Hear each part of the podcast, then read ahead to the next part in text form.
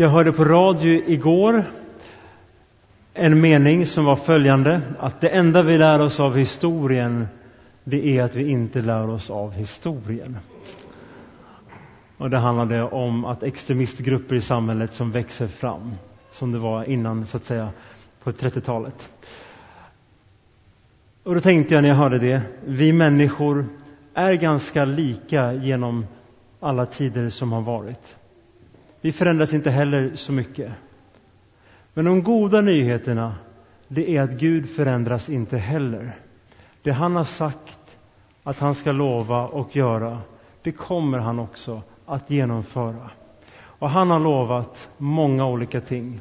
Han har lovat bland annat att jag är med er alla dagar in till tidens slut. Han har lovat att den som söker honom skall finna honom. Han har lovat att vara vårt ljus. Han har lovat att vara vårt bröd som stillar våran hunger. Han har lovat att fylla våra behov och bevara våran själ. Och han har även också sagt Kom till mig, du som bär på tunga bördor och ta på er mitt ok, ty min börda är lätt och min börda är skonsam. Och mitt ok är skonsamt. Och det löftet, att han säger kom till mig så att jag får lyfta av din börda, är du istället att ta min, som kan upplevas som en börda men egentligen är en väg till frihet i honom alltid. Den gäller också fullt ut när vi talar om pengar. För det Jesus gör i den här texten, det är någonting han har påbörjat ett, ett tag innan också, ett, två kapitel innan. Då han talar egentligen om det man kan säga är de tre stora synderna som mänskligheten alltid har brottats med och alltid kommer att brottas med. De tre stora frestelserna som är pengar, sex och makt. Han talar om sex i den bemärkelsen av att tänka om otrohet, att agera på det, hur han vill leda oss genom det. Han talar om makt i det som kallas för saligprisningarna, då han beskriver att de ödmjuka ska ärva jorden och att en väg också till rikedom kan vara en väg i andlig fattigdom. Och han talar också om pengar och ger en väg till frihet i det. Man kan leva sitt liv och ha som inriktning av att det handlar om att tjäna pengar, spara pengar, spendera pengar. Och så finns det en annan väg utöver det. Och jag menar inte att man ska vara ekonomiskt oansvarig. Paulus, en av de tidiga lärjungarna, han skriver till sin lärjunge Timoteus i första Timoteusbrevet 6.10 att kärleken till pengar är roten till allt ont. Den meningen har ibland missuppfattats och förkortats därför man liksom gör om det från läsning till tal och så säger man att pengar är roten till allt ont. Och det är inte vad Bibeln säger. Den säger att kärleken till pengar är roten till allt ont. Jesus säger till och med att använd pengar till att göra gott.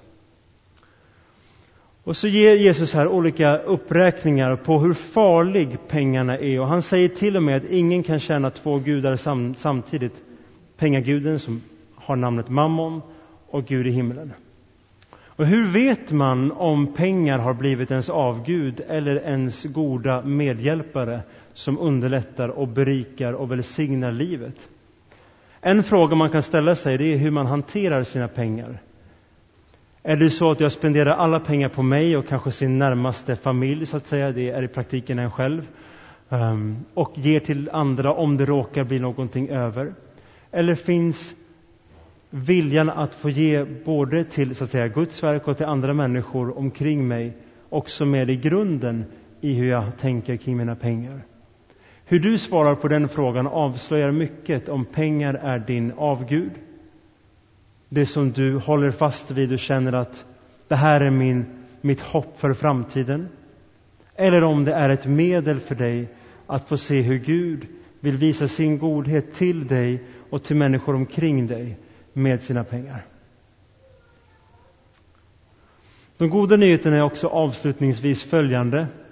Att Jesus, han är trofast oss även när vi kan vara fast i pengar. Jag kan se i min uppväxt, både som barn och ungdom, student, nu när jag är, um, um, har familj, att pengarna har alltid varit samma hot och möjlighet. Det handlar inte om man har mycket pengar eller lite pengar.